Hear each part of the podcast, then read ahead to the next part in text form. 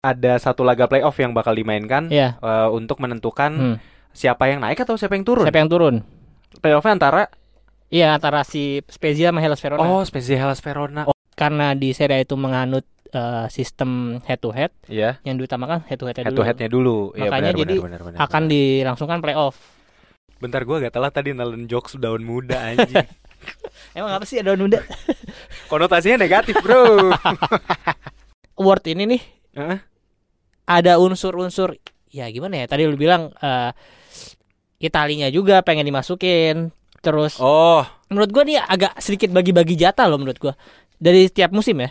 Ini eh kalau kita bahas yang musim ini dulu deh. Musim ini oh kayak Indonesia, Ya. kayak pemilu. nggak apa-apa. Ini kan kabarnya itu duit dari keuntungan optis kan dia berangkat ke Itali. Gila, amin. Kok lu nggak amin, diajak sih? Amin, amin. amin, amin. Cuman cukup buat satu orang. Keuntungan optis soalnya dari kocek sendiri nih mas masih mas.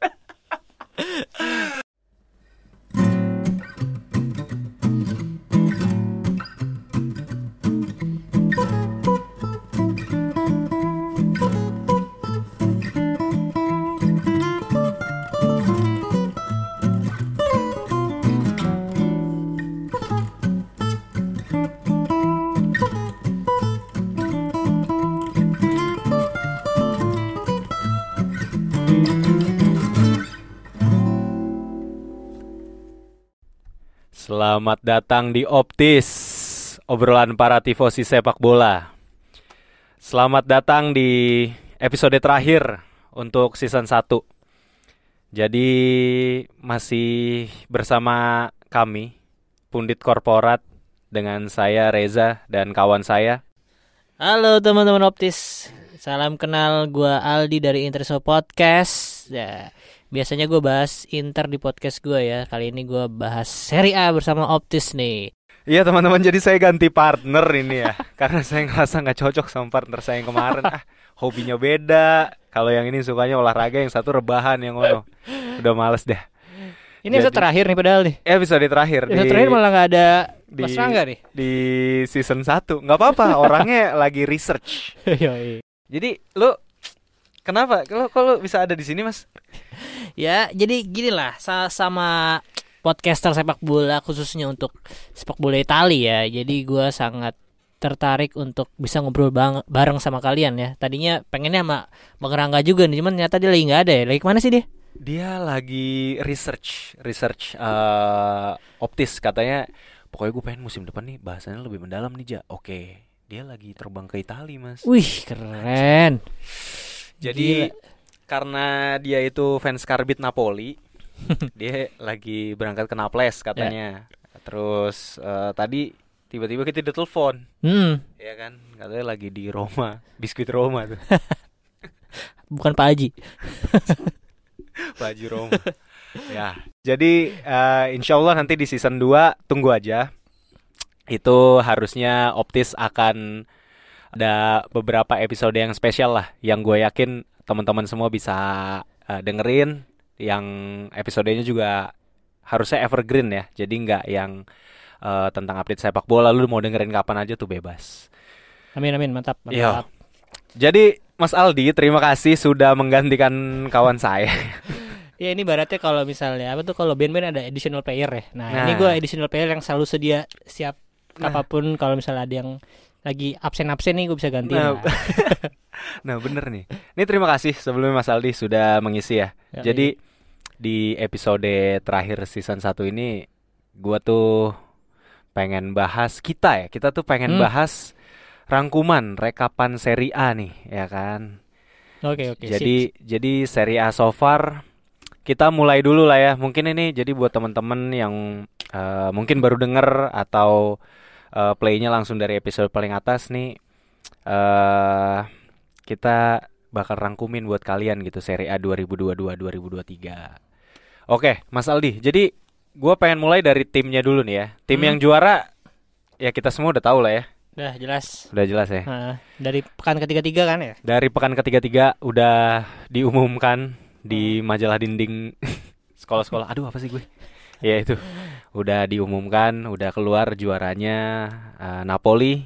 Yoi. Selamat untuk Napoli. Ini piala yang ketiga kan? ya? ketiga di Scudetto pekan ketiga tiga ya. Di pekan ketiga-tiga settingan banget tuh. Yoi. Harusnya pekan 32 dia udah bisa menang kan. Hmm, hmm. Cuman diseri-seriin kalau nggak salah ya. Iya. Sama si Bulano dia itu ya. Dia Iya, dia eh, itu. tuh. eh, Bulaye apa iya, Bulano? Bulaye, Bulaye dia. Yoi. Nah, terus eh, juaranya itu lalu ada empat tim yang lolos ke Hmm. kompetisi eh, Eropa, tepatnya Liga Champions. Ada siapa aja, Mas? Yang pertama udah jelas Napoli, terus kedua Lazio, ketiga Inter dan terakhir itu Milan ya. Nah, ini notesnya kalau misalnya Juventus poinnya nggak dibalikin. Iya. kalau dibalikin beda lagi tuh. Iya, nah ini drama plus Valenza ini semoga sudah selesai sampai sini. Kalaupun ada tim-tim lain yang terbukti bersalah ya musim depan aja lah ya pengadilannya lah ya nggak usah Hmm. ngeganggu hasil akhir dari Serie A musim 2022-2023 ini gitu kan. Hmm. Terus ada dua tim yang masuk ke Europa League. Ada Atalanta dan AS Roma. AS Roma ya akhirnya ya. Ya, dan AS Roma ya. kemungkinan kalau misalnya besok si Fiorentina juara, dia kan akan nambah satu lagi kan sebagai jalur beasiswa ya. Jalur beasiswa Fiorentina kalau misalnya menang West Ham besok, dia jadi tiga kalau nggak salah dari Serie A. Oh iya bener ya, bener ya. Eh, Iya tiga Serie A untuk UEL kan. Iya, ha. Ah, terus yang eh, perwakilan Conference League siapa tuh? Iya nih UCL Rasa Melon ada Juventus. oh ini cocok nih partner gue. Jokesnya masuk nih. Ah, Iya itu udah Juventus tapi ya. tapi mereka playoff dulu ya kalau nggak salah. Iya, Playoff dulu jadi nggak langsung ke grup stage jadi lewat playoff dulu. bentar, bentar. Kenapa playoff? Maksudnya Itali bukan udah langsung ya? Iya. UECL -nya? Eh, ini gue baca dari footballitalia.net kemarin ya. Eh baru sih baru tadi. Itu Mhm. jadi sekarang musim ini musim depan perwakilannya ada tujuh. Jadi di UCL langsung 4, Iya. UL itu 2 langsung ke grup stage, yang terakhir itu UCL tapi udah di playoff round. Oh, oke, oke.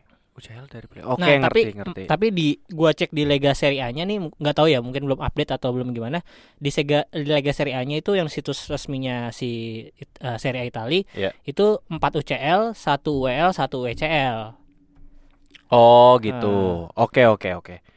Terus eh, itu tadi tim-tim yang eh, jawara lah ya yang bakal berlaga di kompetisi Eropa. Hmm. Kalau untuk tim-tim yang harus turun kasta, itu ada siapa aja tuh, Mas? Ada Cremonese sama Sampdoria. Nah, yang dua terakhir nih ada Hellas Verona sama Spezia. Karena kemarin tuh dia tuh dua-duanya kalah ya. Mm-mm. Spezia itu di comeback AS Roma 2-1. Hellas Verona tuh kalah 3-1. Oke. Poinnya sama-sama 3-1. Secara head to head mereka sama-sama menang 2-1. Walaupun secara goal difference ini Spezia lebih baik. Spezia itu goal difference-nya min 3-1. Oke. Hellas Verona tuh min 28. Eh, harusnya Verona yang lebih baik ya kalau gitu ya. Eh, minus, ma- Minus- makin minus- kecil minusnya makin baik. Nah, ini tapi karena di Serie A itu menganut eh, sistem head to head Iya. yang diutamakan head to head Head to headnya dulu. Iya, Makanya benar, jadi benar, benar, benar, akan benar. dilangsungkan playoff. Oh, Jadi nggak langsung nih. Gue juga baru tahu tadi. Baca lagi-lagi baca di footballitalia.net. Jadi buat lo yang bilang Mas Aldi pundit eh tongkrongan doang ya, gue pukul muka lu ya. Ini oke oke, ini bagus nih bagus nih. Ini statistiknya tuh ber, ber- bermain di sini nih. Aduh happy banget gue.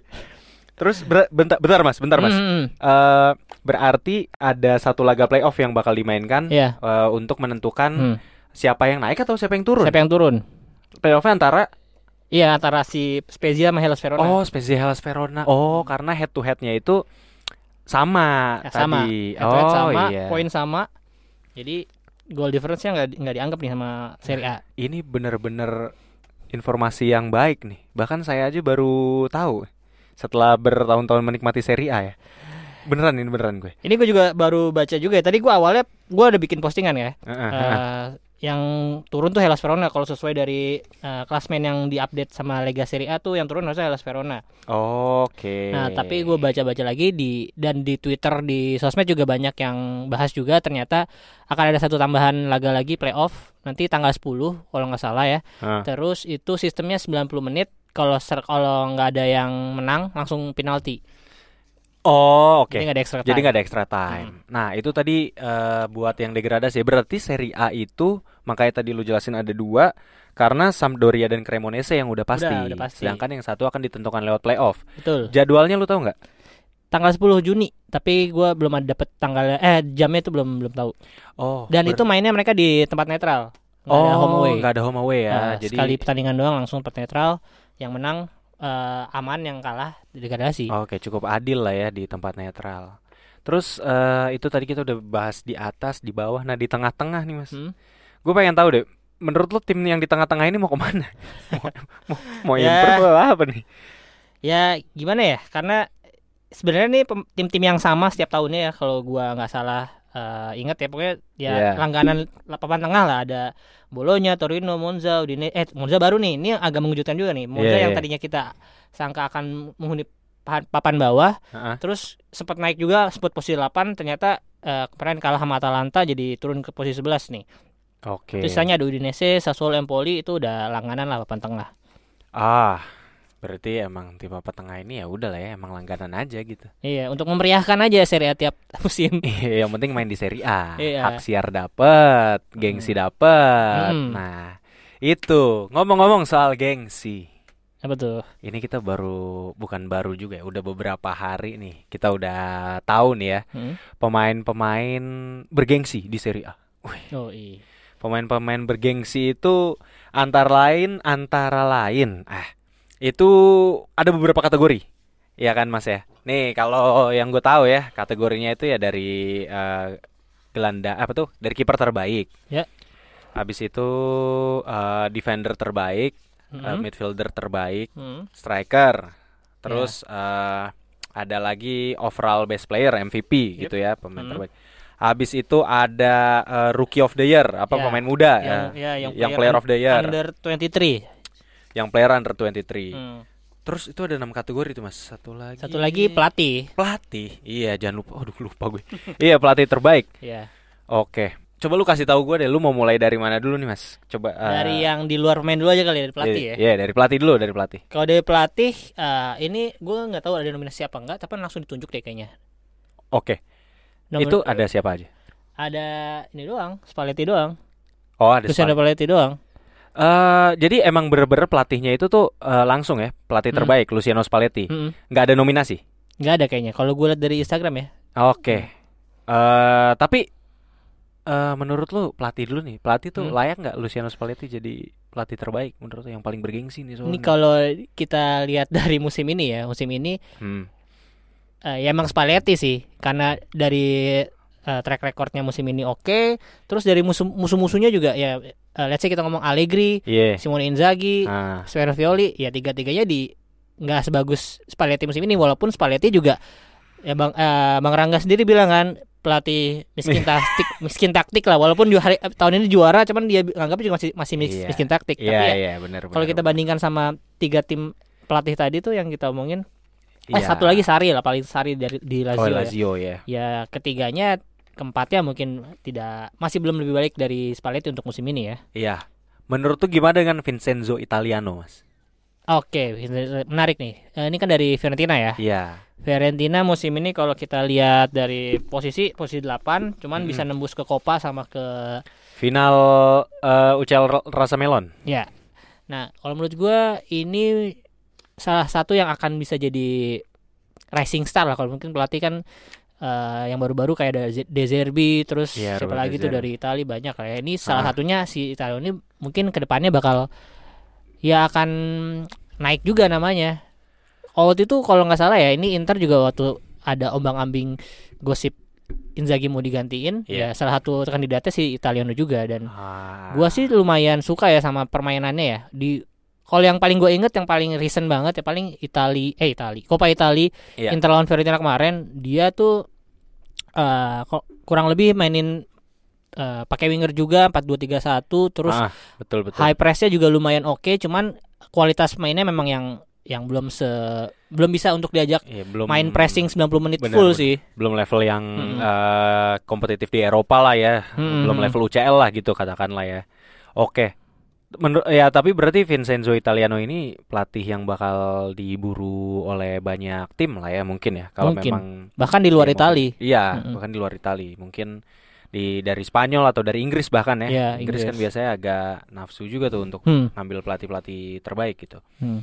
Tapi buat gue sih Vincenzo Italiano sih mas. Harusnya? Walaupun- harusnya ya. Walaupun ya walaupun memang gue ngerti juga eh Spalletti layak juga lah karena eh, Napoli yang udah bermusim-musim itu jadi runner up, jadi peringkat 3 4 gitu yang eh, hampir juara terus Mhm. akhirnya dibawa buka puasa gelar lah sama Spalletti aja. Ya, Mhm. gua menurut gua layak tapi memang mungkin kalau secara teknis eh, Ya, arguably lah ya. Iya, mungkin Vincenzo setuju. Italiano bisa lebih baik gitu. iya bahkan ya kalau kita bilang Inzaghi atau Allegri juga sebenarnya nama-nama yang sebenarnya masih ada di levelnya masih di atas eh, Spalletti sih Iya harusnya sih, ya cuman kalau ya sense. mereka kebetulan aja Inzaghi akhir ini nggak konsisten apalagi Allegri gitu kan Iya.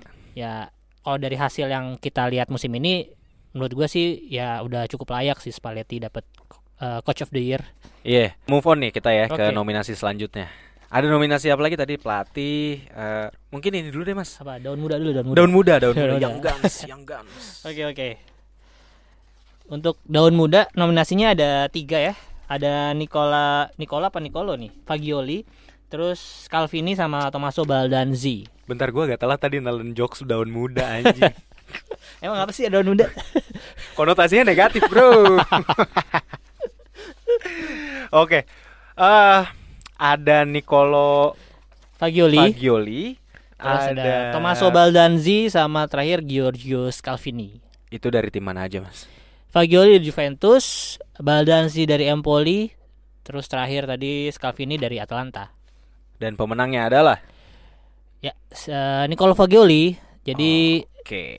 eh, menurut gua kalian ini langsung aja. Langsung langsung dong. Menurut Langsung gue dong. sih kalau Fagioli ini ya memang dari data nih, gue gue soal ngomong data nih karena gue baru ngeprint. Gokil, gokil, gokil. Ini baru pundit statistik. Eh dari data ya, dia main cukup banyak lima eh, 1521 menit, terus mainan 26 kali, 3 gol, 3 assist.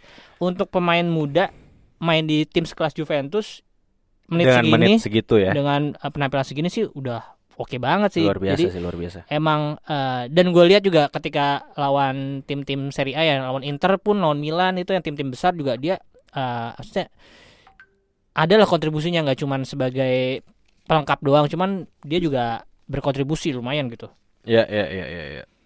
Terus kalau eh, tadi ada tiga assist, tiga gol ya. ya dikasih tiga gol Posisinya Fagioli itu midfielder cuman eh, ya bisa bisa di, bisa di tengah bisa agak wing sih kan dia bi- biasanya main tiga tiga midfielder tuh si Juventus Iya, benar, benar, benar, benar. Terus eh tadi lawannya siapa aja tuh Mas? Ada Tommaso si Baldanzi sama. Scalvini Coba lu sebutin dulu kalau statistik ya Baldanzi. Kalau Baldanzi mainnya sama 26 4 Hmm. gol 0 assist Lumayan. menitnya lebih banyak sih 1700 cuman kan ini beda level lah ini Empoli sama Juventus Empoli mungkin ya memang eh, secara tim juga banyak main mudanya Iya. terus tekanannya juga pasti nggak seberat Seti- di iya. Juventus Betul, betul, betul, betul, betul. dan dia juga nggak nggak main sampai habis nih kain karena dia main di U20 di Oh, Argentina di- Oke, oke, oke. Jadi dia nggak sampai giornata terakhir ya. iya Dia dipanggil tuh si Baldanzi. Iya, tapi untuk eh presence-nya sih ini juga cukup inilah cukup berkontribusi karena dia juga attacking midfielder ya. Enggak bukan Iya. striker yang benar-benar murni striker tapi lebih ke attacking midfielder. Terus yang gue inget sih lawan Inter dia ngegolin 1-0 Inter kalah. Ya lo jadi lo sebagai fans Inter lo merasa jadi korban ya dari eh, permainan apik Baldanzi lah ya musim ini ya. Terus Hmm. satu lagi si Scalvini. eh, Scalvini. Nah lo cukup tahu banyak nggak soal Nah, Scalvini? kalau ini gua gua nggak terlalu ngikutin ya. Walaupun ini juga sering dikait-kaitkan sama Inter untuk pengganti Skriniar atau tim-tim lain juga banyak yang ngincer. Harganya 40 jutaan lah ya. anjing mahal banget. Iya makanya Eh untuk permainannya sih gue ng- ngelihatnya dia sering main di kanan, cuman kayaknya dia lefty deh. Makanya gue juga agak a- agak Agak-agak ran- bukan rancu ya, agak nggak yakin ya. agak nggak posisi- yakin kalau dia mau gantiin posisi- posisi Skriniar di kanan tuh. Oke. Terus untuk eh, ya mungkin mirip-mirip Bastoni sih perawakannya tuh tinggi, gede, rambut keriting. kalau dari kalau dari statistik memang eh kalau ya namanya juga defender lah. Kalau dari gol juga nggak banyak. Kalau nggak salah cuma dua gol gitu, dua assist dua gol. Tapi Menit Kalau- bermainnya? menit bermainnya gua nggak gua nggak ini gua ngambil nih. Cuman karena gua nggak menurut gua sih nggak nggak inilah dia out of race lah. Jadi out of- menurut gua racingnya tinggal uh, race cuma si Fagioli sama Baldanzi sih. Oh, ya. oke. Dan Oke, karena oke. Atalanta juga musim ini kebobolan 48 gol. Dia ya tuh as a defender Hmm. ya su- suka nggak suka jadi dia yang di blame. Mm, mm, mm. dan ya, dia juga jawab lah maksud dia mainnya juga udah cukup ini sih udah cukup reguler juga cuman kayak untuk kebobolan 48 gol eh, sebagai tim tujuh besar gitu harus agak sih iya ya. agak-agak kurang lah ya Hmm. dibandingkan dengan eh, pesaing-pesaing yang lain. Mm, Oke, jadi layak lah ya si Nicolo Fagioli Fagioli. kalau sendiri ada nggak kira-kira nama di luar tiga itu yang mungkin mau lu masukin ke daftar Ya, paling kan Raul Belanova yang gua kebayang sih. Apa ya? Maksudnya dia main di tim sekelas Inter walaupun dia sebagai pelapis gitu ya. Hmm. Tapi eh presence-nya tuh berasa gitu. Eh, ya arguably sih mungkin ada pemain-pemain muda lain di tim lain yang lebih rising tapi Hmm. top of mind gue sih Raul Belanova. Mhm. Ditambah dia dari youth akademinya Milan gitu. Jadi gue lumayan ngikutin gitu. Mhm. Lumayan tahu lah nih pemain gitu. Jadi itu sih kalau dari gua. Nah, Ya. kita move on ke nominasi berikutnya. Oke, apa Oke, dulu nih? Tadi kan udah pelatih udah, Pelatih. Young Guns. Mm-mm. Terus Habis dari itu belakang lu kali dari, dari belakang dulu dari kiper, dari kiper. dari Oke, posisi eh, terbelakang nih. paling posisi belakang. paling kesepian di sepak bola. Nah, ini nominasi sama ada tiga ya. Ada Ivan Provedel, Giorgio Di Michel, ya benar nggak sih namanya? Iya. Yang Kiper Monza itu. Iya, Terakhir sama Skorupski. Skorupski. Skorupski, Nah. Skorupski. Skorupski. Dan yang menang ya udah jelas ini menurut gue juga Provedel. undebatable sih kalau Ah, untuk musim iya ini. sih. Ivan Provedel lah. Eh, undisputed lah ya. Iya. Maksud gua dari dari mungkin secara kasat mata permainannya juga berasa banget. Hmm. Nah, statistik dong, Bang, Bang. Statistik, Statistik ya. Aduh, kalau Lazio-nya sendiri ini Bang. Bang, mikir deketan, Bang. Bang, mikir deketan. Kalau Lazio sendiri ini eh, kebobolan cuma 30 ya. Iya. Terbaik kedua di liga Ya, yang pertama- yang pertama di eh, Napoli. Napoli ya. 28 gol dan tapi di sini Alex Meret nggak masuk nominasi sama sekali Iya. karena jumlah save-nya juga nggak terlalu banyak terus eh, ya secara Napoli nyerang mulu abisnya. iya kan terus kalau dari Ivan Provedel sendiri eh clean sheet juga banyak dia 21 clean sheet jadi di atas 50% lah ininya eh, per pertandingan dari 38 dia main terus Oke. tapi eh, ini juga mungkin lu udah tahu ya eh, Iya. Sebenarnya kiper utama Lazio tuh bukan Ivan Provedel awalnya Heeh. si Luis Maximiliano itu Oke. itu dibeli dari klub Spanyol gue lupa Oke. nah Dan- itu di pertandingan pertama dia main langsung starter tapi langsung kartu merah Si siapa? Luis Tadi? Maximil- Luis. Iya, iya, iya, Nah. tahu tahu tahu tahu tahu tahu. Terus nah ya blessing in disguise lah langsung Iya, Ivan Provedel kayak Donnarumma Yoi. jatuhnya. Atau kayak si kiper Arsenal yang dibuang Emi Martinez. Kayak gitu, Martinez ya, kasus-kasus ya, ya. kasus-kasus kiper cadangan yang tiba-tiba mencuri peran lah ya. Mhm. Ini kalau dari statistik dikit ya, Iya. eh, untuk clean sheet terbanyak di Serie A musim ini, Ivan Provedel 21 tadi gue udah bilang. Iya. Terus bawahnya ada Alex Meret dengan 16 kali kebo eh 16 kali 16 clean kali sheet. clean Terus sheet. bawahnya ada Sesni dengan 15. Bawahnya Rui Patricio sama eh, ini Milinkovic Savic yang Torino 11. Nah, Oh, Milinkovic Savic Torino. Iya, Hmm. kiper, kiper, kiper. mm-mm. Iya. Dan untuk tadi ada dua nama Skorupski sama Di Gregorio. Di Gregorio ada sih eh, 10 clean sheet. Kalau Skorupski mungkin nggak nyampe 7 nih, nggak nyampe 8 dah dia itunya. Cuman mungkin banyak lebih banyak ke save-nya ya. Iya. Mm. Oh, berarti oke, komponennya ya saves, clean sheet, terus mungkin eh eh, apa? Eh, kehadiran ya, appearances. Iya, provider lah. Terus eh menurut lu dari tiga nominasi itu emang tiga-tiganya layak atau lu menurut lu ada ada ada kiper yang eh kayaknya ini harus masuk nih gitu. Mhm. Menurut lu ada nggak? Kalau dari statistik ya gue lihat sih mungkin Sesni ya. Tapi Sesni juga musim ini udah bener-bener agak turun ya. Walaupun ya secara defend defendernya Juve juga nggak sesolid yang biasanya. Jadi ya kita nggak bisa ngeblame juga ke Sesni. Cuman ini dia masih dapat 15 clean sheet tuh masih oke sih harusnya. Masih masuk nominasi iya, daripada iya. Skorupsi. Skorupski menurut gue sih.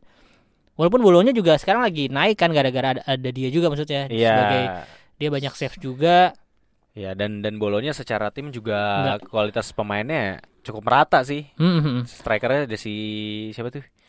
Eh, Arnautovic Arnaud Taufik, Arnaud Hmm, ya lumayan lah, lumayan lah. Nah terus kalau dari nama-nama besar mungkin ada Andre Onana, Mike Maignan, sama Alex Meret. Ini ya memang nggak sebagus eh, Ivan Provedel sih. Kalau Andre Onana sendiri mainnya juga nggak terlalu banyak kan baru 24 kali ya. Iya. Dia ya baru di tengah-tengah musim baru dipercaya sama Dia ganti-gantian sama Handanovic. Awalnya Hmm. awalnya Handanovic kan yang ngisi posisi kiper Inter kan, Iya. yang reguler ya kan. Ya betul. Nah kalau dari Onana sendiri dia save lumayan ya 62 dari 24 kali pertandingan. Iya. Jadi eh maksudnya kalau kita misal ini what if aja ya kalau misalnya Onana main 38 kali pun kayaknya dia bisa jadi masuk nominasi. Oke. Terus kalau Mike Maignan sendiri mainnya juga 22 kali doang, sempat cedera berapa lama juga kan dia. Mm-mm. Save cuma 42 tapi dia punya assist satu. Hebat juga nih punya assist nih. Eh, emang bisa main pakai kaki beliau. Iya, terus terakhir Alex Meret, Alex Meret 34 presence, save cuma 69. Jadi ini kalau dibandingkan sama Ivan Provedel, Ivan Provedel save 100. Tapi nol asis ya, nol asis. nol assist. Nol asis. Tapi 100 itu dia sebagai tim Lazio gitu loh. Lazio yang sekarang di peringkat 2, terus Lazio juga eh ya berarti cukup sering diserang dong ya. Berarti nggak cuman banyak menyerang kayak tim-tim besar lainnya kayak Napoli, Inter, sama Milan kan udah pasti mereka menguasai pertandingan. Berarti ini Lazio juga ser- lebih sering diserang juga sebenarnya. Iya, karena gue nonton beberapa kali pertandingan Lazio, lumayan ini sih. Menurut gue tuh tengahnya kurang kurang nyaring. Eh, maksudnya Iya. kurang nyaring, kurang menyaring serangan gitu maksudnya. Jadi kadang eh, bola-bola cepat dari sayap ataupun yang nusuk ke tengah tuh tembus semua. Hmm. Jadi emang ya jadi ya mungkin blessing is in disguise Iya. lagi buat Provedel ya. Iya, jadi iya. Provedelnya juga bisa eh, menunjukkan taringnya gitu. Iya. Dan satu lagi mungkin ya terakhir untuk Provedel musim lalu pun dia nggak kalah bagus ya. Iya. Musim lalu di Pro- di Spezia dia main eh statistiknya lebih bagus, save-nya 116. Mainnya 31 kali jadi sebenarnya emang dari ketika main di Spezia juga udah oke, cuman sayangnya aja main mainnya di Spezia gitu. Mungkin dari kiper sih itu sih gua cukup ya kayaknya Ivan Provedel ya jelas layak sih. Undisputed lah itu Hmm. layak banget sih menurut gue juga eh, untuk dia bisa jadi kiper terbaik. Next kita masuk ke defender. Defender ya. Bentar, gue tahu nominasinya. Coba. Ada Theo Hernandez, Yoi. ada Kim Min Jae, Mm-mm. sama satu lagi tuh gue lupa tuh si Inter kalau nggak salah ya. Bukan. Nggak ada main Inter makanya gua ini agak sedikit protes Hmm, nih. Ini nih, ini nih, saya suka nih perdebatan-perdebatan. Berarti ada Kim Min Jae, Theo. Hernandez sama Satu hmm, lagi dua-duanya Napoli. Di Lorenzo. Oh di Lorenzo. Iya. Oke, kalau menurut gua Gimana? Kim Min Jae ini jadi apa tuh namanya? Kim Min Jae jadi pemain defender terbaik. Layak sih kalau di Serie A ya, Hmm. untuk Serie A ya. Mhm. Karena memang penampilan Kim Min Jae ini solid banget di lini belakang gitu. Udah gitu dia kayaknya hampir nggak ada cedera deh. Jadi Ya. main terus gitu maksud gua di Mhm. Eropa, di Copa, di Serie A dia main terus. Terus juga ya untuk ukuran orang Asia, pemain Asia badannya gede juga, Pak. Jadi jadi ya mendukung lah gitu untuk dia bisa jadi defender gitu maksud gue ya. Ya itulah Kim Min Jae eh, dari penampilan buat gue sih oke solid, cuman nanti mungkin lu bisa bacain statistiknya. Hmm. Terus eh Di Lorenzo gimana? di Lorenzo di Lorenzo itu eh, defender yang cukup rapih, tapi cukup aja gitu. Maksud gua eh kalau dibandingin sama eh, temen rekan satu tim ya, Kim Min Jae, si di Lorenzo tuh ya nggak nggak sebegitu menonjolnya lah gitu. Hmm. Mungkin ketutup juga sama Kim Min Jae sih, karena emang si Kim Min Jae ini musim ini bener-bener solid banget gitu. Tapi memang kalau untuk permainan yang lengkapin juga sih si Di Lorenzo menurut gua gitu di lini belakangnya Napoli. Hmm. Nah, terus kalau Theo Hernandez, Theo Hernandez menurut gua defender yang eh ini ya, yang serba bisa sih dia punya kecepatan, dia juga punya stamina yang bagus, eh dia bisa ngegolin, dia bisa bikin assist.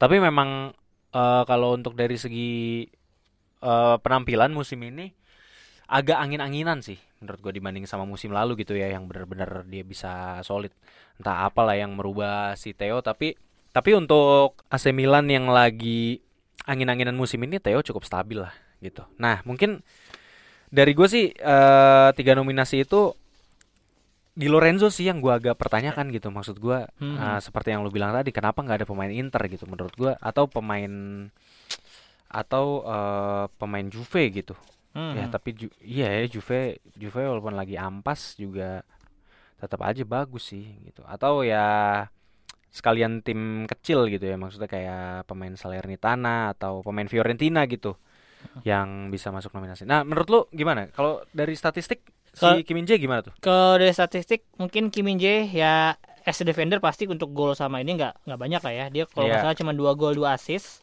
Terus untuk menit play bener dia main banyak 35 kali ya musim Iya, ini. iya, Terus banyak itu. 3054 menit. Menit. Nah, untuk passing akurasi cu- cukup tinggi juga 91 dari 2801. Terus distance coverage juga cukup oke ya untuk eh, defender 9 km tuh udah lumayan oke. Untuk eh, atribut defender sendiri kan eh, duel sama duel loss, duel menangnya itu 31 sama kalah 98 kali. Save ball-nya itu 212, loss ball-nya 7 kali doang. Tackle percentage-nya 24%. Dia cuma foul 30 kali dalam satu musim itu cukup oke sih sebenarnya. Iya, Tapi untuk defender oke lah itu. ah tapi ini gue agak bingung nih dengan Serie A nih maunya tuh defendernya yang bener-bener kontribusi di defense apa mau masukin yang bisa offense juga.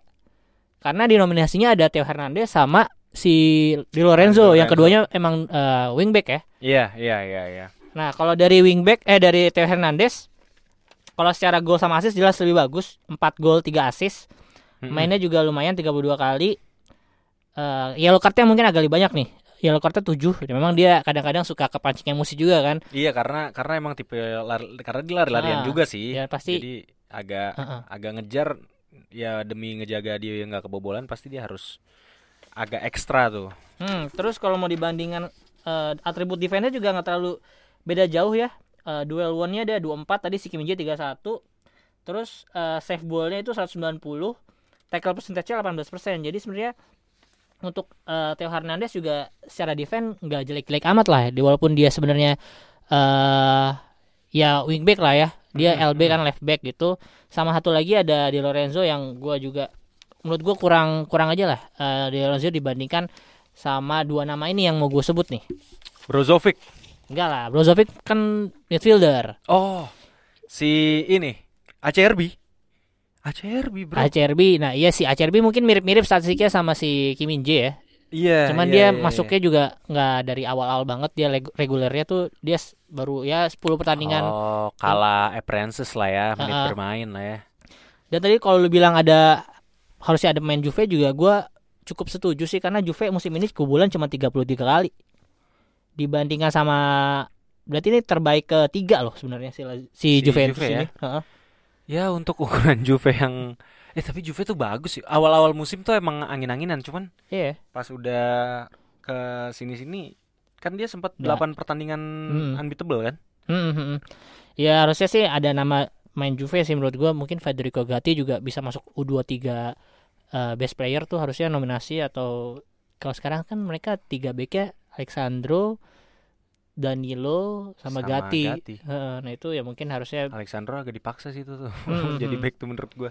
Nah terus Pemain Inter deh, pemain Inter. kenapa Tadi gua kesel ini ada nama yang nggak dimasukin sama at least nominasi Sama- lah sama harusnya ya. Panitia, sama panitia ya. Nah, Panitia ada Sama sama panitia. Federico Di Marco sih menurut gua. Oh iya Federico Di Kalau mau Marco. ngomongin defender secara defensif emang Federico Di Marco nggak bagus-bagus banget. Oke. Cuman kenapa kalau dia masukin Theo Hernandez sama Di Lorenzo yang dua-dua juga bukan bukan defense, bukan bukan bukan tipikal yang bertahan banget gitu ya, bukan Hmm. atributnya bertahan gitu ya. ya kenapa dia nggak masukin Di Marco juga karena Di Marco kalau secara statistik sama Theo tuh mirip-mirip 4 gol 3 assist sama loh Ini tolong panitia, tolong panitia kalau misalnya mau bikin nominasi itu dijelaskan eh, kriterianya tuh seperti apa. Hmm. Karena ya eh, ya walaupun nanti pasti kita bisa baca gitu ya eh, peraturannya seperti apa. Tapi memang gua ngerasa benar juga yang lu bilang bahwa ini eh apa tuh agak bertolak belakang gitu dengan dengan dengan no- nominasi statistik dengan ininya ya pem- pemenangnya gitu. Iya. Jadi eh, nggak nggak yang benar-benar lurus gitu. Akhirnya Hmm. kita mau ngambil atribut yang benar. Tapi itu nikmatnya sepak bola modern nggak sih mas? Iya. Menurut mas? Karena emang ya udah berubah gitu untuk nyari defender yang benar-benar eh, defensif full gitu kayak pemain zaman dulu agak sulit sih. Iya kan ya? Hmm. Karena udah dinamis banget gitu permainannya. Even back tengah bisa jadi pengatur serangan juga gitu di di sebuah tim ya kan? Ya setuju setuju dan ya sekarang emang zamannya udah kayak gimana ya jadi lu sebagai defender juga harus bisa nyerang sih harusnya ya sekarang Iya, menurut gue ya Benar, benar, benar, benar, benar. jadi kalau kita ngomongin lagi tadi eh, Di Marco 4 gol 3 assist tuh jumlah atau ya statistik yang oke lah untuk seorang defender ya. Ya. Terus dia nggak tanpa kartu kuning sama sekali loh musim ini. Kartu merahnya ada nggak? nggak ada. Jadi sebagai left back nggak ada kartu kuning tuh oke sih menurut gua. Itu dia nggak main kali bang. Main. masa masa back nggak ada kartu kuning? Dia main 33 Tunggu-tunggu kali, menitnya cukup banyak 2000-an walaupun nggak sebanyak si Theo Theo 2700. Ya mungkin ada salah satu faktor di situ juga ya. Tapi main Ya. 33 kali, ya memang sih eh, menitnya nggak terlalu banyak karena si Inzaghi ini pasti nggak pernah mainin dua wingbacknya itu 60 eh, di atas 60 menit. Biasanya jadi 60 menit dari tarik diganti. Kayaknya posisinya itu tuh capek banget emang sih. Iya, emang posisinya maju turunnya. Inzaghi eh, apa demanding banget, physical demanding sih strateginya In- Simeone Inzaghi. Betul. Dan Oke. mungkin nama Iya. terakhir satu lagi yang harusnya ini underrated menurut gua ada Cristiano Biraghi Itu pemain mana? Fiorentina. Ah, itu. Itu berarti emang bener kan tadi feeling Hmm. gua Fiorentina tuh harusnya ada masuk pemainnya. Hmm. Nah, si Biragi nih statistiknya Dua gol 4 assist. dua gol 4 assist. Ah. Oke, itu untuk atribut ini ya, atribut eh, angka Hmm. lumayan. Presence-nya dia main 33 kali dan dia kaptennya Fiorentina juga jadi cukup reguler dia mainnya. Terus secara ball win-nya juga 38 kali, save ball-nya 136 kali, tackle percentage-nya 28 kali dia eh 28% di atas Kim Min Jae nih sebenarnya. Cuman memang mungkin gak terlalu banyak ya Nggak ada frekuensinya kartu ya. kuning, nggak ada kartu merah ya. Kartu kuning sekali Oh, juga. sekali. Hmm. Oke. Ini agak agak kontroversial ya, cuman ya it is what it is gitu. Serie A lebih eh, memasukkan tiga nama tadi eh, ada Kim Min Jae, Hernandez sama Di Lorenzo. Di Lorenzo. So ya, walaupun ini kontroversial, tapi ya, tapi lu setuju nggak Kim Min Jae yang keluar sebagai pemenangnya? Eh ya setuju nggak setuju sih balik lagi kalau misalnya emang dicarinya bener-bener yang defender yang tugasnya menghalau gol dari gawang ya Kim Min Jae yang musim, Jelaya. musim ini terbaik sih. Ya. Cuman kalau misalnya ke depannya mungkin kriterianya lebih ke statistik juga Iya, untuk lebih offense-nya overall juga gitu eh, ya. overall ya ada nama-nama yang harusnya bisa eh Iya. at least masuk nominasi sih harusnya. Kayak tadi ya Federico Di Marco. Eh, bener kan ya? Iya. Federico Di Marco sama Christian Biragi. Yep. Nah, itu eh, menarik sih, menarik sih pembahasan tadi defender. Oke, kita move on ke Hmm. midfielder. Midfielder. Midfielder itu ada Lu ingat gak coba?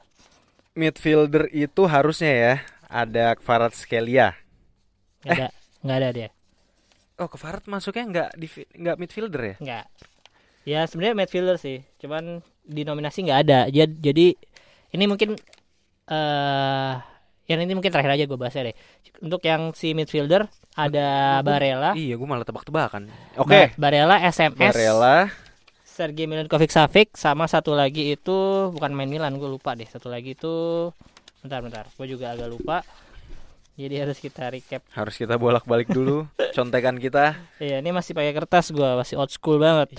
Gokil sih, tapi ini kertas-kertas ini nih. Karena kalau di HP mungkin agak sedikit ribet. Oh, satu lagi Adrian Rabiot.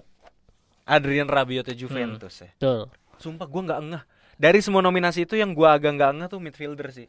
Striker, defender, eh, goalkeeper gue eh, udah baca lumayan tahu gitu. Tapi kalau untuk midfielder ini, gue nggak nyangka juga sih si Adrian Rabiot masuk. Kalau menurut lu gimana? Kan yang menang Barella nih. Nicolo Barella ya. Nah, ini kedua kalinya dia menang best midfielder, Best midfielder.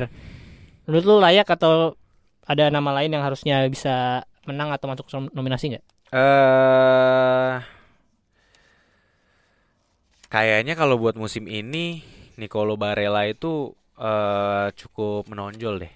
Tapi itu dia, gue juga masih bingung dengan kriterianya nih yang dinilai itu apa. Hmm. Karena kalau dari statistik sebenarnya kan R gue beli nih. Hmm. Maksud gue bisa ada yang bisa ada yang lebih bagus. Menurut mungkin mungkin nama yang bisa gue masukin tuh kayak Hakan Kalhanoglu sih. Kalhanoglu entah kenapa di Inter eh, lumayan vital ya posisinya ya untuk jadi pengatur serangan gitu, advance playmakernya. eh Tonali, buat gue Tonali musim ini tuh eh, dari atribut eh, nyerang dan bertahan itu tuh berasa banget sih di Ya. tengah. Iya. Ya tapi mungkin itu bias kali ya karena gue fans Milan. eh ada Siapa? Botak pemain Oh, Maroko. Amrabat, Si Amrabat. Amrabat juga menurut gua layak juga itu dia Hmm. masuk nominasi gitu ya. Hmm. eh udah sih paling nama-nama itu sih yang gua yang gua pertimbangkan gitu Hmm, di hmm. top of mind gua. Kalau dari Bolonya, dari Monza, Soso lah nggak ada yang bener-bener nonjol gitu. Hmm. Iya itu sih paling mas. Berarti lu Barella gimana? menurut lu udah cukup pilihan yang tepat ya? Barella menurut gua kalau gua lihat overall kasat mata ya. Hmm. Ini gua tanpa ngeliat statistik nih, gua Hmm, hmm. ngeblank statistik karena statistiknya dipegang lu semua kan. Gimana? Barella oke. Oke. Oke dalam artian gini. Secara atribut nyerang dia itu eh, bisa bisa kontrol bola, dia bisa passing, dia punya visi yang bagus juga. Ditambah fisiknya dia juga oke. Ya. Mungkin itu yang ngebedain dia sama Hakan. Karena Hakan kan tipikal yang agak lemes nih, agak agak kaki Hmm. apa tuh teknikal banget Ya. gitu. Tapi Hmm.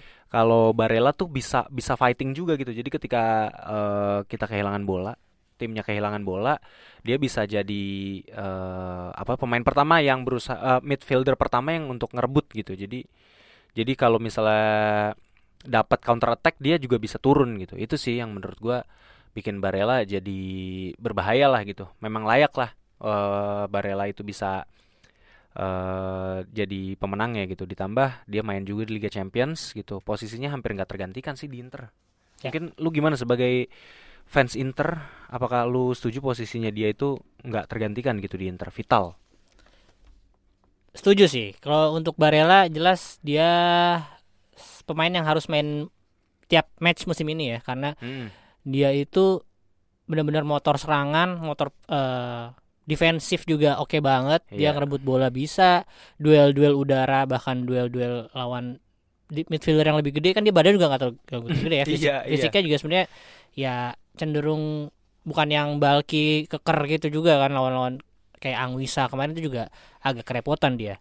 Kalau dari statistiknya menurut gua Barella ini cukup oke sih 6 gol 6 assist untuk sebagai pemain midfielder terbaik Serie A musim ini juga cukup layak.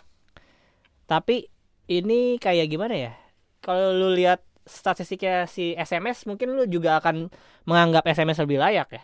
Ini bukan gua sosokan karena gua eh, fans Inter biar apalah kayak hot text hot text hot text gitu eh, menentang pemainnya untuk tidak dapat eh apa yang nggak sesuai sama Inilah, Iya, statis lu, juga ya. lu menjun- menjunjung tinggi keadilan Iya, kayaknya. bukannya gue mau kayak gitu juga, cuman karena gue baca statistik juga nih.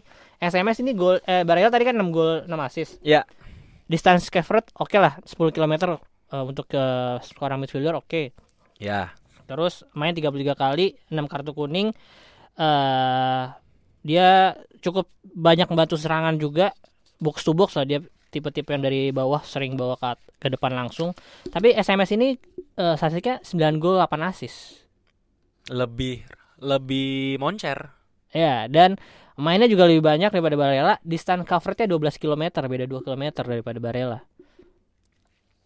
Apa yang membuat Jabarella yang eh, mendapatkan pemenang eh dia yang jadi pemenang ya? Iya. Apakah karena dia masuk final Liga Champions? Tapi harusnya kan ini bahas Serie A harusnya yang Harusnya diambil Serie Serie A A doang ya. sih. Ha. Iya sih. Karena ini gua eh Bener-bener make sense sih. ini ya lagi-lagi kalau gua bilang ya, eh sih, Barella ya mungkin secara vitalitas eh vitalitas jadi ya. secara vitalnya di Inter Secara vital banget. Vitalitasnya di Inter vital vitalitas banget nih Iya. Barella ya kan. Tapi SMS menurut gua nggak kalah vital juga kan di Lazio. Kayaknya SMS tuh ah SMS tuh pemain veteran di Lazio sih dan dia emang selalu konsisten tiap musim. Iya main 36 kali em, 3028 menit. Ini kalau perbandingannya mungkin yang main 38 kali itu eh, total menitnya 3420 ya. Total mainnya tuh segitu. Ini 3028 jadi cuman miss 300 sekian menit doang. Iya, Seba- 300 sekian menit tuh cuma tiga empat empat pertandingan ya. Empat Iya. pertandingan. Dia di sini main yang nggak main cuma dua pertandingan doang menurut. Jadi menurut gua sih harusnya sih eh, mungkin SMS lebih layak daripada Barella. Itu gua setelah gua mendengar statistiknya sih agak ini ya. Gua agak tercengang juga ya kenapa Barella yang menang.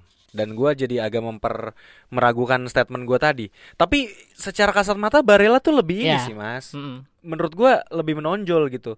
Mungkin bis nanti mungkin teman-teman pendengar bisa lihat heat mapnya atau Ya. apa pun. Tapi gua sebagai orang yang nonton gitu ya Barella sih lebih lebih menonjol karena mungkin dia tadi itu sih dia kecil, nggak yang bulky, fighting spiritnya oke banget. M- Mungkin, mungkin mas ya. eh ini sih secara presence-nya dia gitu loh. Mungkin dia lebih lebih showmanship-nya tuh lebih ada gitu. Hmm. Ya bisa jadi Bisa sih. jadi sih. Atau memang Itu Liga- opini ya balik lagi Liga ya. Itali pengen ada orang Itali juga maksudnya. Iya mungkin mungkin, Serbia. mungkin mungkin mungkin mungkin. Kalau kita bandingin nih statistik dikit ya, ngomongin statistik dikit lagi. Eh, tadi kan udah bilang yang terakhir belum gua sebut mungkin Adrian Rabiot ya. Rabiot itu Iya. 8 gol 4 assist. Ah udah nggak usah mas. Itu- Pemain Juve nggak usah dibahas. Gol participationnya tuh sama-sama 12 ya. 12 kan tadi Dua- Barella juga 6 gol 6 assist kan 12 kalau Oke dijumlahin. oke. Kalau si SMS 9 gol 8 assist 17 lebih banyak 5 nih. Lumayan jauh loh bedanya. Terus gol participationnya dari seluruh gol Lazio dia tuh 28%. Iya, Barella cuma 18%. Beda 10%. Terus Waduh. Rabiot cuma 21%. Nah, jadi dari statistik aja ya kalau kita ngomongin statistik ya SMS lah menurut gua. Oke berarti eh, juara midfielder Serie A versi optis adalah Sergei Milinkovic Savic titik. Ini cuma gengsinya orang Italia doang berarti. Statistik yang berbicara, Bung. Dan gue yakin ketika gue nonton ulang pertandingan-pertandingan Lazio, dia ini bisa pasti pasti bakalan lebih kelihatan gitu permainan vitalitasnya si Milinkovic Savic tadi. Tapi Kalau kayaknya kalimatnya Bapak Aldi musim depan dia bakal dipindah deh. pindah ke Milan kayaknya. Ya, ada Milan, ada Enak. MU, ada Inter juga yang Enak yang ngimpi ya. Dia gue gue penasaran Sergei Milinkovic Savic kalau main di Inggris sih. Soalnya buat gua dia eh, lengkap gitu. Ya, Maksudnya setuju. pemain dia pemain sentral Hmm. eh terus juga secara teknis oke, secara fisik juga ada. Mungkin speed yang Ya. gua nggak terlalu ngelihat eh, Hmm. Milinkovic Savic ini speednya tinggi ya dibanding sama Barella tadi. Hmm, hmm, hmm. Barella menurut gue punya speed yang lebih bagus. eh ya tapi mungkin bisa di pairing sama Casemiro. Gue pengen lihat sih itu permainannya gimana gitu. Jadi terus Sergei Milinkovic Savic ini juga tipikalnya yang ngatur serangan kan mas? Hmm, hmm, hmm. Iya kan? Iya. Jadi eh playmaking banget juga gitu. Seru lah. Iya cukup komplit lah maksudnya ya bahkan kom- bisa dibilang komplit sih dia. Oke. Berarti kita sudahi perdebatan ini. Tadi saya, tapi saya masih setuju sih Barella, ya, eh, yang menang. Ini jujur ya. Ya Tapi tapi ya versi optis Hmm. Milinkovic Savic Ya. karena optis ini menjunjung tinggi ilmu pengetahuan jadi statistik yang berbicara. ya kalau gue sendiri juga 5545 lah. Maksudnya Barella 45, SMS 55 gitu kalau menurut gue ya. Oke, Hmm. ini adalah nominasi yang mungkin menurut menurut sebagian orang sangat bergengsi karena ini yang paling kelihatan gitu ya. Hmm. Orang nonton bola nyar ngarepin apa sih gol gitu. Nah, ini kita masuk ke nominasi striker nih, Mas. Yoi. Oke, striker itu ya udahlah Osimhen lah yang Ada Osimhen, ada Lautaro sama satu lagi ini yang nggak penting juga sebenarnya. Leo.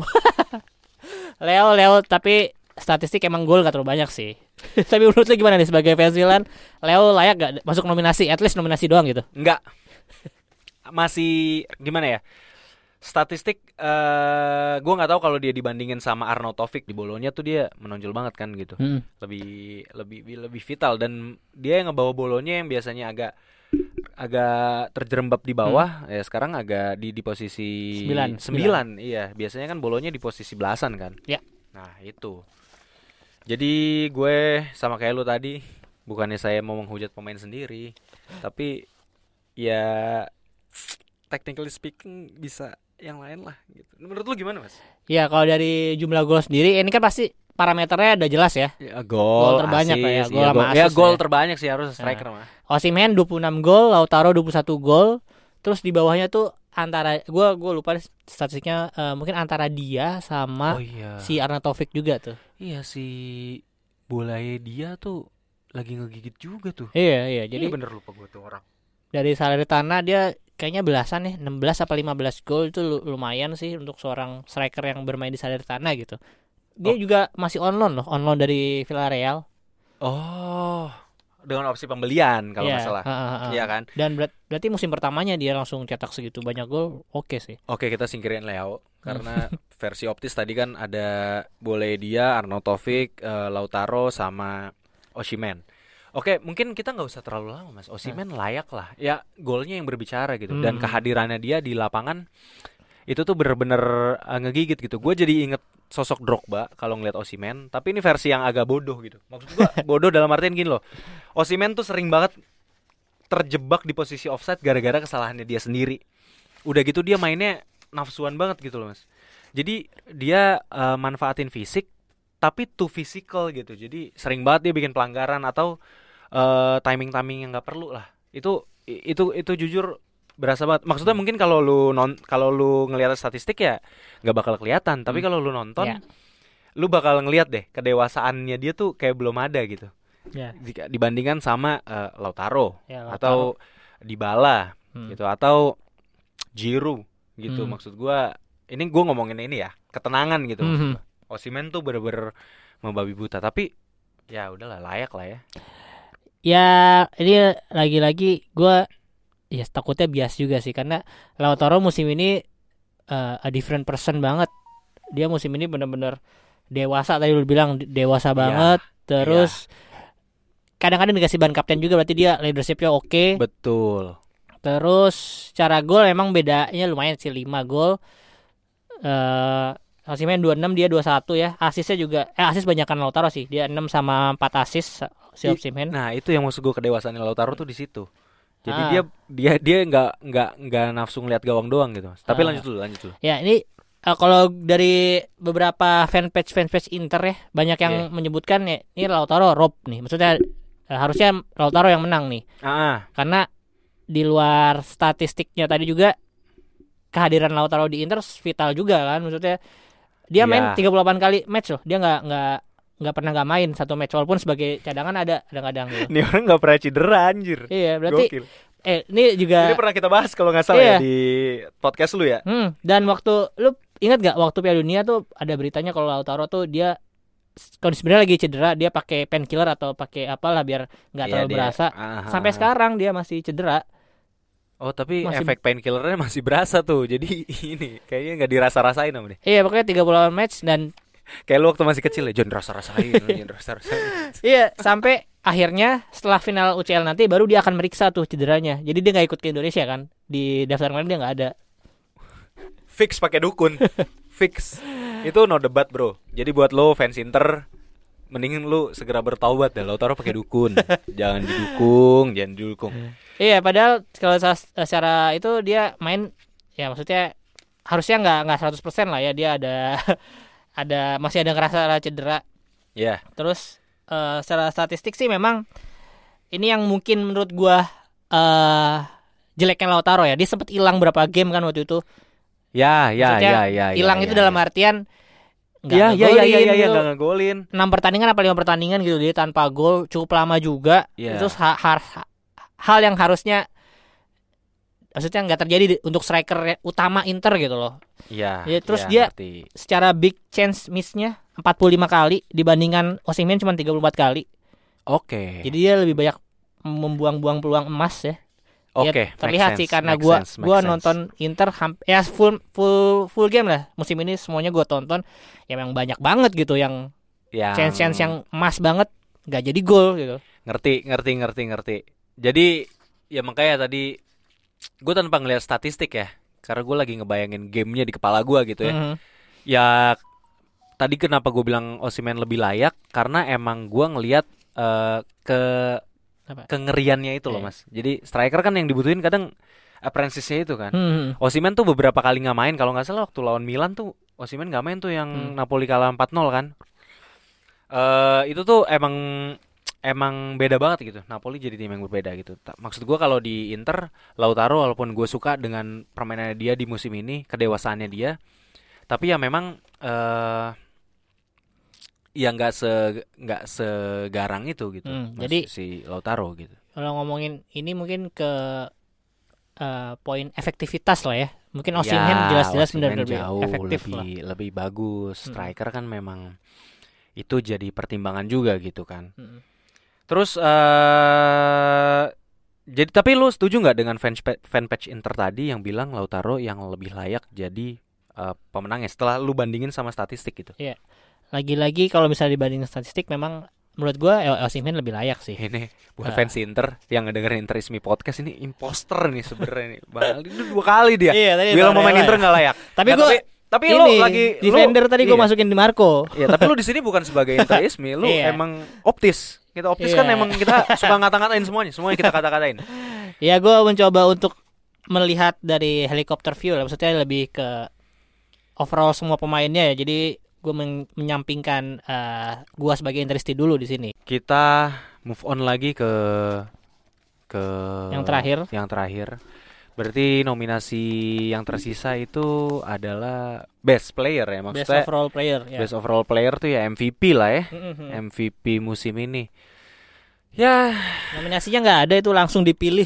langsung dipilih ya Iya. oleh panitia Iya. dan Dan biasanya yang menang ya tim yang dari tim yang menang juga. ya yang menang ya. dari tim yang menang. Heeh. Iya, gue belum pernah lihat tuh eh, tim yang kalah dia ditunjuk sebagai pemain terbaik kecuali 2014 Lionel Messi. Oh di UCL ya. Enggak, Mas, di Piala Dunia yang kalah lawan Jerman. Oh iya iya. Iya. Ada hiburan Iya, lah. iya, hadiah hiburan buat Messi Eh. kayaknya tuh. Oke, berarti ya ini nggak usah berbahasa-basi lah ya. Vica ke Kvaratskhelia ya. Kvaratdona. Coba gimana spellingnya? Vica Kvaratskhelia. Nah. Ya spelling per huruf per huruf. K V I C A. Allahu Akbar. Gua Iya ada HH-nya lagi. Ada. Susah, susah, susah. ya udah menurut menurut lu gimana nih? Undisputed juga si Wah. Farad Dona nih. Gua bisa bikin satu episode sendiri sih kalau bahas nih pemain mas Hmm. gitu karena gimana ya dia dari fr- from zero to hero banget gitu loh Eh, terlepas dari semua naik turunnya ya Hmm. tapi pemain ini tuh bener-bener emang jadi pembeda dan menurut gua seri A jadi lebih menarik gara-gara dia sih Hmm. buat gua pribadi ya Hmm. gitu maksudnya eh tipikal pemain yang jago gocek, yang tenang gitu, yang yang pede ngelawan siapa aja gitu. Even Trent Alex- Alexander Arnold juga Ya. dikolongin Hmm. gitu. Eh layak lah, layak gua gua hand hands down lah buat dia lah. Ya. Kalau menurut lu gimana? Atau ada yang lebih layak lagi? Ya kalau menurut gua sih layak juga sih. Bahkan kalau misalnya ada lawannya paling ya si Osimhen sendiri, temennya sendiri yang udah menangin striker of eh ya striker best striker of the year. Cuman kan biasanya nih nggak pernah Serie A tuh nggak pernah ngasih ke dua pemain yang sama. Jadi mungkin udah dijatain nih si Osimhen buat ke strikernya best overallnya si Farad Celia. Jadi dan menurut gua dari statistik dia double double oke banget. Oke. Double double tuh dua digit ya, Dua dua, digit, dua 12 gol, 10 assist. Kok sama kayak Leo musim lalu. Leo juga musim lalu kalau nggak salah 15 atau 17 gol, asisnya juga double double, dia 12 atau ya Iya antara 10 iya atau iya 12. musim lalu musim lalu oke banget. Dan mungkin ya memang eh, kriterianya yang seperti itu lah yang, yang berkontribusi di assist, di gol juga dan secara presence-nya kalau dia nggak ada dia tuh tim itu akan timpang gitu dan Iya dan menurut gua di semua tim ada sih Ya. pemain yang kayak gitu yang bener-bener jadi pembeda ya. Jadi layak lah. Biasanya tim juara sih emang punya pemain kayak gitu Mhm. gitu. Walaupun Manchester City gue bingung sih siapa sih kalau misalnya ngomongin City. ya. kalau menurut lo sendiri eh yang mendekati Celia musim ini ada nggak? Di luar statistik nih dari Di luar statistik ya. Eh, eh. Ya ampun ada telepon. Apa ini telepon dari Napoli? Oh, bi- bisa gak sih masukin ke sini suaranya?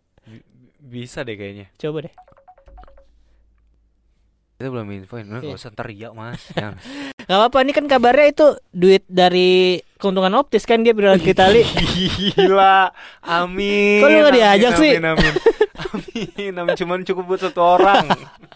Keuntungan optis soalnya dari kocek sendiri nih mas masih mas. Oke, balik lagi ya. Eh, untuk tadi eh, nama lain yang masuk nominasi apa pemain terbaik ya? Nah, menurut lu ada nggak tadi tuh dari Lazio atau dari tim lainnya lah?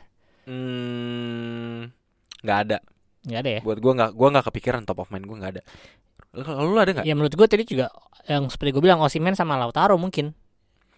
Tapi ya kalau dari eh, kontribusinya di luar statistik Iya, dan iya, iya. ini iya, juga Farad iya, Celia iya, lebih iya, iya, ya iya. jelas lebih jelas lebih berasa lah ya. Maksud gua presence dia tuh menghibur gitu loh Iya, nggak sih kayak ha, ha. kayak ketika dia nggak ada tuh kayak ih kok hilang ya Ha. gitu. Kita, kita Tapi- nyariin, kita nyariin. Tapi gitu. dia sempet hilang drop, maksudnya nggak nggak di top pop performance selalu kan? maksudnya? sempet sempet sempet sempet eh, ada naik turunnya. Hmm, Kayak ya sorry nih balik lagi yang waktu kalah lawan Milan 4-0 itu dia iya. kayak Ha. dikantongin sama Calabria bahkan. Hmm. Maksud gua walaupun Calabria ada lewat-lewatnya. Terus Waktu eh, kalah satu kosong sama Inter 1-0 juga sama- dia iya iya Ha. kontribusi menurut gua Iya. dia lawan Darmian sama Skriniar waktu itu nggak bisa ngelewatin lah karena double double juga kan jagain. Iya kayak tapi Sulit emang lah, tapi emang akhirnya Kvaratskhelia juga di di eh, sepertiga akhir musim tuh bener-bener dijaga dua orang selalu Iya, selalu iya, selalu iya. tim Mungkin emang- udah waspada sih caranya itu sih buat iya soalnya kalau lu satu lawan satu nih anak entahlah itu kesurupan apaan bisa dilewatin semua cuy Iya. wah gila sih Tapi menurut lu hot text mungkin nih. Dia bakal jadi one season wonder nggak di Serie A dan di Napoli gitu. Enggak. Menurut gua enggak. Menurut gua eh, asalkan anak ini tidak mabuk-mabukan, tidak ngerti-ngerti tempat hiburan malam di Italia gitu ya. Menurut gua dia masih bisa bermusim-musim sih. Walaupun Eh, pelatihnya bukan Spalletti. Walaupun pelatihnya bukan Spalletti. Kan Walaupun karena spa- pelatihnya bukan Spalletti iya, menurut gua. kan si Spalletti udah udah resmi ya kabarnya ya. Udah resmi cabut, Ha, ha. udah resmi cabut. Nah, apa tuh? Gua rasa juga Kvarat nih eh bisa jadi pindah sih eh, dari Napoli musim ini. Tapi ini feeling ya. Hmm. Gue belum baca berita ada rumor atau apa pun Hmm. gitu. Tapi ya ya entah kenapa feeling gue mengatakan ini anak bukan one season one, bukan one season wonder. Tapi Mhm. Pasti ada naik turunnya lah. Kayak Muhammad Hmm. Salah lah menurut gua. Kalau Mhm. mau eh, contoh paling deket yang bisa gue gambarin ya, Hmm. Muhammad Salah. Kalau menurut lu gimana mas? Kalau menurut gua tergantung pelatihnya siapa nanti. Karena Spalletti ini Oke. eh Spalletti pernah ngelatih Milan nggak sih? Belum ya? belum belum. Roma, Lazio, eh Roma, Lazio juga pernah. Karena pelat- pernah melatih Inter, gua cukup eh, ngerti lah gimana maunya Spalletti. Spalletti itu pelatih yang sangat mengandalkan winger menurut gua. Ya. Dan karena Kvaratskhelia ini winger, jadi dia bener-bener emang gimana ya? Ya di, diberi beban iya, cuman ya diberi keleluasaan juga gitu untuk mengkreat mengkreatifisa apalah gitu, mau Iya, gua- gua, gua, mengkreasikan gua ngerti lah. maksud lu. Emang dia tuh tipikal winger murni sih. Maksud Hmm. gua emang tipikal pemain sayap yang kita kenal dari dulu gitu yang Heeh. iya. eh, bisa lari jago gocek. Iya. Iya kan? Heeh. Tapi bukan tipikal pemain modern yang macam Ribery, Arjen Robben Hmm. gitu kan maksud lu kan? Bukan yang kayak eh siapa ya yang mungkin lebih bisa modern tuh tipikal white playmaker kayak Bernardo Iya, Silva. Bernardo Silva. Bukan yang kayak gitu kan Mhm. maksud lu. Tapi nah itu Mas. Nah. sorry gua nambahin dulu dikit. Kenapa menurut gua dia nggak bakal jadi one season wonder karena dia tuh masih bisa improve banget Betul. menurut gua. Mhm. Terus kalau memang eh, ada pelatih lain yang latih dia, gua rasa mungkin permainannya nggak se-eksplosif kayak musim ini. Mhm. Tapi dia tetap bisa mainin karena Harus ya. karena gua lihat sih dia bisa ini ya. Dia itu eh visinya masih bisa dilatih, Mhm. tapi teknikalnya tuh juga masih teknikal tuh bagus gitu. Jadi Mhm. dia bisa ngumpan, Ya. dia bisa nusuk itu sih. Mhm. Nah, tapi kalau gelu gimana? Kalau gua mungkin satu yang kurang dari Varatselia dari perta- beberapa pertandingan yang gue tonton ya, gua nggak selalu ngikutin pertandingannya. Pengambilan ke- keputusannya sih, dia masih agak kurang lah ya. Harusnya dia passing malah dia nge-shoot, harusnya dia crossing malah dia nge-shoot gitu. Kadang-kadang ada beberapa keputusan yang menurut gua eh harusnya nggak gitu. Dan gua agak kurang yakin kalau misalnya nanti dia ketemu pelatih-pelatih yang mungkin menerapkan formasi entah itu 352 atau yang intinya nggak terlalu memakai wing lah. Kalau 352 dia ditaruh di LWB, gue nggak yakin dia bisa bertahan dan menyerang sebagus musim ini sih. Dia kan musim ini nggak di force nggak dibebankan untuk bertahan lah ya. Dia cuma Ya, ya, ya. ya, ya. menyerang menyerang dan bertahan mungkin sampai tengah doang tutup tutupin eh, pemain winger lawan gitu.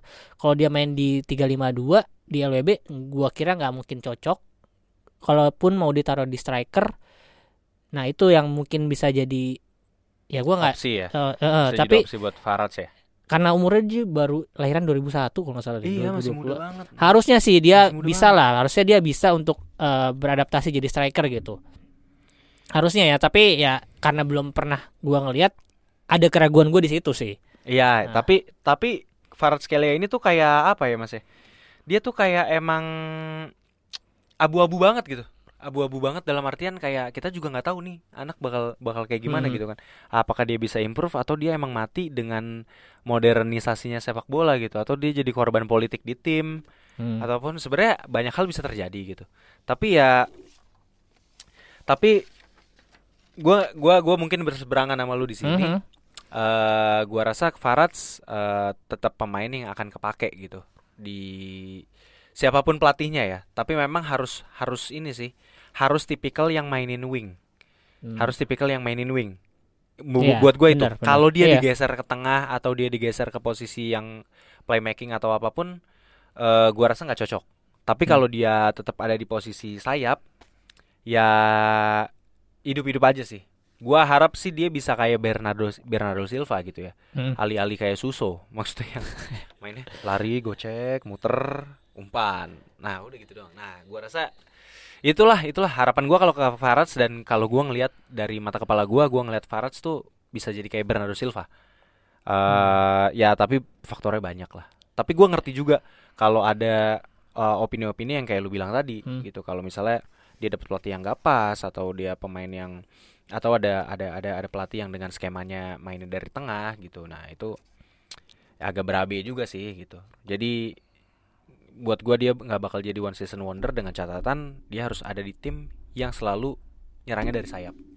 Ya setuju setuju. Lagi-lagi kalau dibanding gua ya tergantung pelatihnya siapa yang Ya, akan ya, ya, ngelatih dia, akan menggunakan dia dengan ya sesuai dengan atribut yang dia punya sekarang gitu. Walaupun ya umurnya masih muda, masih bisa berkembang, masih bisa main di beberapa posisi harusnya ya.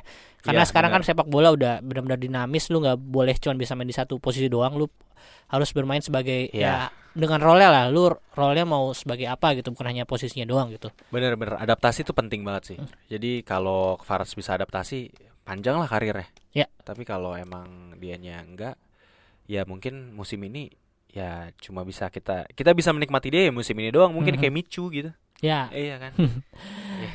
dan kalau ya terakhir mungkin dari nama-nama tadi berarti overall kita banyak setujunya apa banyak enggaknya nih? Gua rasa 50-50 50-50 tadi ya? karena eh, untuk back tadi kita nggak setuju. Kiper kita setuju. Hmm. Pemain tengah hampir setuju. Iya.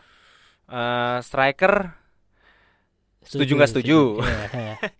tapi eh, pemain terbaik itu kita setuju. Setuju sih, setuju. sama-sama setuju. Hmm. Terus eh apa tuh namanya pelatih? Pelatih Ya, ya, setuju, Iya. setuju setuju lah. sama gitu, ya akhirnya. pemain muda juga tadi ya. setuju, gua setuju dengan juga sih. emosional lah gitu ya. Ya pemain muda setuju lah Ya. karena emang nggak ada Iya, nggak ada lagi. Hmm, menurut gue juga lagi. mungkin gua nggak terlalu ngulik juga dan memang kayaknya juga nggak banyak sih. Banyak kan main muda tuh Juve loh sekarang.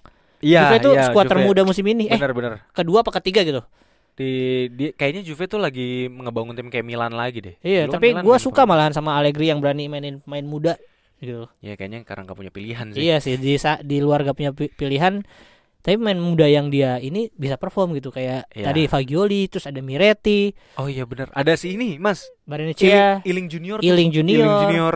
Ah, ah, ah. Jadi eh, mungkin sebagai kalimat penutup kan saya Hah. dari episode kita kali ini. Eh. Bentar, bentar. Gua mau ini dulu. Ini eh, lagi-lagi Ah, lu ngerusak jokes gue bisa karena terpaksa tuh. Ya udah gue keluarin sekarang aja lah. Ah, ya lanjut lanjut. Eh enggak, gue takut eh, gue mau ini doang nih. Eh, kalau menurut gue ya, ini Heeh. sebelum kita tutup, kalau menurut gue award ini nih Heeh. ada unsur-unsur ya gimana ya? Tadi lu bilang eh Italinya juga pengen dimasukin. Terus Oh, menurut gue nih agak sedikit bagi-bagi jatah loh menurut gue dari setiap musim ya. Ini eh kalau kita bahas yang musim ini dulu deh. Musim ini oh kayak Indonesia, Ya. kayak pemilu. Eh ini Mu- boleh menarik menarik nih. musim Ntar ini- masukin nih. Lazio udah dapat kiper. Iya. Padahal mereka punya pelandang yang bagus gue bilang tadi SMS. Oh iya. Ya, tapi jadi ya karena udah udahlah Lazio masukin kiper. Inter yang posisi tiga masukin dah tuh si Barella. Terus sisa sisanya tuh yang kayak back tadi tuh Kim Min Jae, striker sama Napoli karena mungkin ya karena udah menangnya jauh juga selisih jauh ya makanya oke lah nggak apa akhirnya tiga masuk. pemain itu akhirnya Kan masuk Osimhen sama Kim Min Jae. Back. Ah. Iya iya benar benar benar. Juve dimasukin satu Fagioli Iya. pelatih Spalletti cuman Milan doang yang nggak dibagi nggak dibagi jatah Dibagi nominasi doang. iya bedasi doang dan kalau lu banding sama musim lalu Karena nih, Milan gak bisa diselamatkan itu pemainnya siapa yang bisa dimenangin? kalau dibanding musim lalu eh Rafael Leo yang jadi best player. Ya. Pemain muda terbaik Osimhen. Oke. Kiper si main pemain terbaik ya. ya. Kiper Mike Maignan. McMinion ya. Ya. Musim lalu oke lah. Musim Mignon. lalu tapi eh menurut gua agak sedikit arguably juga sama si Sesni. Karena musim lalu Sesni lagi oke juga. Ya, oke juga. Nah, makanya untuk backnya dikasih eh ini ini Bremer waktu masih main di Torino deh. Makanya di Bremer ada eh untuk backnya ada Torino, ada Bremer. Ya. Terus gelandangnya nih di Inter ada Brozovic. dimasukin. Iya, iya, iya, Kalau iya, itu gua agak sedikit eh inilah kalau di gelandang Inter memang Brozovic Brozovic musim kan lalu bagus. vital banget. Iya, Walaupun banget. secara statistik cuma dua gol satu assist musim lalu, jadi nggak emang nggak terlalu bagus. Tapi secara ini tapi kuda dia. iya penyerang terbaik Lazio, pelatih terbaik Si Pioli. Immobile ya? Immobile ya musim lalu ya. Heeh, dan ini musim kemarin tuh cukup rata juga pembagiannya. Nah, musim sebelumnya lagi ini yang mungkin agak kelihatan banget nih soalnya sebagai tim yang juara waktu itu nih si Inter ya. eh, MVP udah dipegang Romelu Lukaku. Ya. Padahal Romelu Lukaku secara statistik sebagai penyerang itu oke banget. Dia nggak dapat penyerangnya, jadi penyerangnya dikasih ke Ronaldo. Cristiano Ronaldo ya. Heeh, wah ya memang sih dia top skor, cuman beda- sama Lukaku beda cuma 3 gol doang, terus Lukaku asisnya lebih banyak. Gue harusnya bisa sapu bersih tuh. Iya, makanya ini kayak kayaknya emang berada-ada. Ya udahlah udah, udah menang uh, pemain ber- terbaik. Terus untuk gelandang terbaik juga Nicola Barella juga waktu itu back terbaik. Menurut gue bisa Skriniar atau The Fry musim itu dikasih ke uh, Romero yang menurut gue musim itu nggak nggak terlalu oke Iya, banget. iya, iya, benar, benar, benar. Kalau bandingin sama dua nama tadi, Uh, si Romero, iya aneh ya. uh, terus untuk kiper Donnarumma, padahal clean sheet sama-sama 14 sama Handanovic. Handanovic itu di situ, di situ layak lah harusnya. Lah ya harusnya tapi nih lagi-lagi mungkin menurut gue ini bener-bener emang harus bagi-bagi lah nggak mungkin lu semuanya selalu bersih gitu. Iya. FIGC kan I-nya Indonesia, Mas. Jadi ya Cocok tuh jadi kalimat tutup tuh anjing. menurut gue ya emang award award ini ya nggak terlalu Jadi sebelum lu ngambil kesimpulan, kita biarkan pendengar itu mengambil kesimpulan sendiri ya. Karena setelah kami telaah lagi berdasarkan statistik, ini tuh ada ala-ala bagi-bagi kursi ya. Iya, ya berarti Ya. pengen FG eh, si Serie A pengen nih gue punya pemain bagus banyak loh.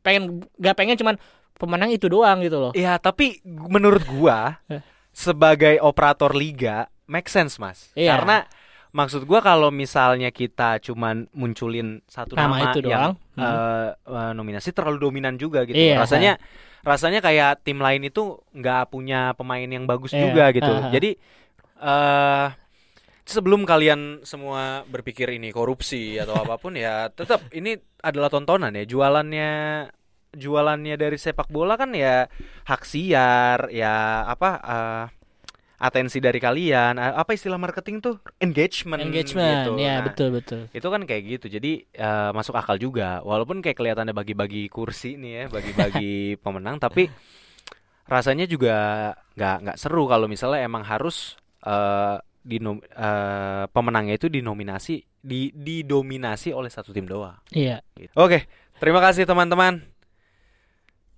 sampai ketemu di episode selanjutnya Bye bye.